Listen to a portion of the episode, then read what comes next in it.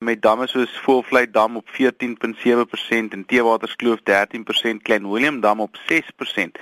Nou as jy in ag neem, ons sit op 17.9 gemiddeld verlede jaar die tyd op so 31%, amper dubbel soveel en verlede jaar was 'n slegte jaar, beteken hierdie jaar is 'n rampspoedige jaar en en dis hoekom ons die provinsie tot rampgebied moes verklaar. Dinge is baie baie ernstig.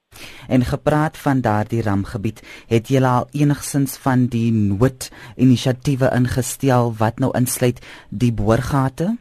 So as jy sal onthou, ons het in Januarie 2016 is nou amper 18 maande terug vyf plaaslike rampgebiede reeds verklaar waar ons reeds 'n boorgate geboor het hoofsaaklik in areas soos die sentrale Karoo wat baie droog was en eerste baie droog geloop het. So ons het al oor die afgelope 18 maande baie werk gedoen. Wat ons nou doen nou dat die provinsie tot rampgebied verklaar is, nou trek ons op wat ons noem 'n risikoregister. So ons rampgebied sentrum in samewerking met die ander rolspelers kyk reg oor die provinsie waar is die grootste areas van kommer en wat gaan ons doen om daardie areas van kommer aan te spreek sou dit vererger. En daai proses is byna voltooi en sodra dit is sal ons verder daar kommunikeer.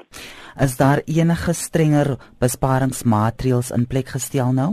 So elke munisipaliteit pas hulle eie besparingsmaatreëls toe. Ek bewus die stad Kaapstad het vlak 4 aangekondig van 1 Junie af amptelik na 'n raadsvergadering wat die beslissing moet goedkeur. Dis natuurlik baie ernstiger. Dit praat min of meer dat mense gevra gaan word om minder as 100 liter per dag te gebruik, as ek reg verstaan, met verskeie ander implikasies ook. Wat ook gebeur is ons draai die druk toenemend af, so die water loop al minder en, en vloei stadiger uit die krane uit. Ons bestuur die situasie so bes ons kan op die oomblik. Wat is die langtermynplanne om seker te maak dat inwoners nog steeds water het?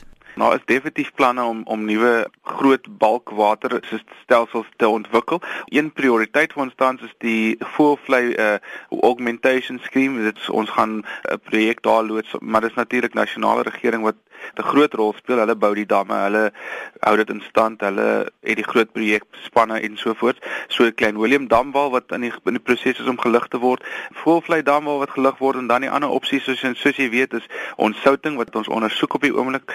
Die probleem natuurlik baie baie duur. Byvoorbeeld 'n liter onsoute water gaan jou so R3 'n liter kos gemiddeld. Dis 'n skatting terwyl die water wat ons tans drink so 3 sent per liter kos. Dis die verskil en dis 'n reuse implikasie veral vir mense wat sukkel en swaar kry. Die ander opsie natuurlik is soos wat hulle in Beaufort Wes al baie lank doen om ons water te suiwer en wastewater treatment op 'n makro skaal en dit is na ons mening oor die medium tot langtermyn definitiewe pad waarna ons beweeg veral in ons groter dorpe en stede.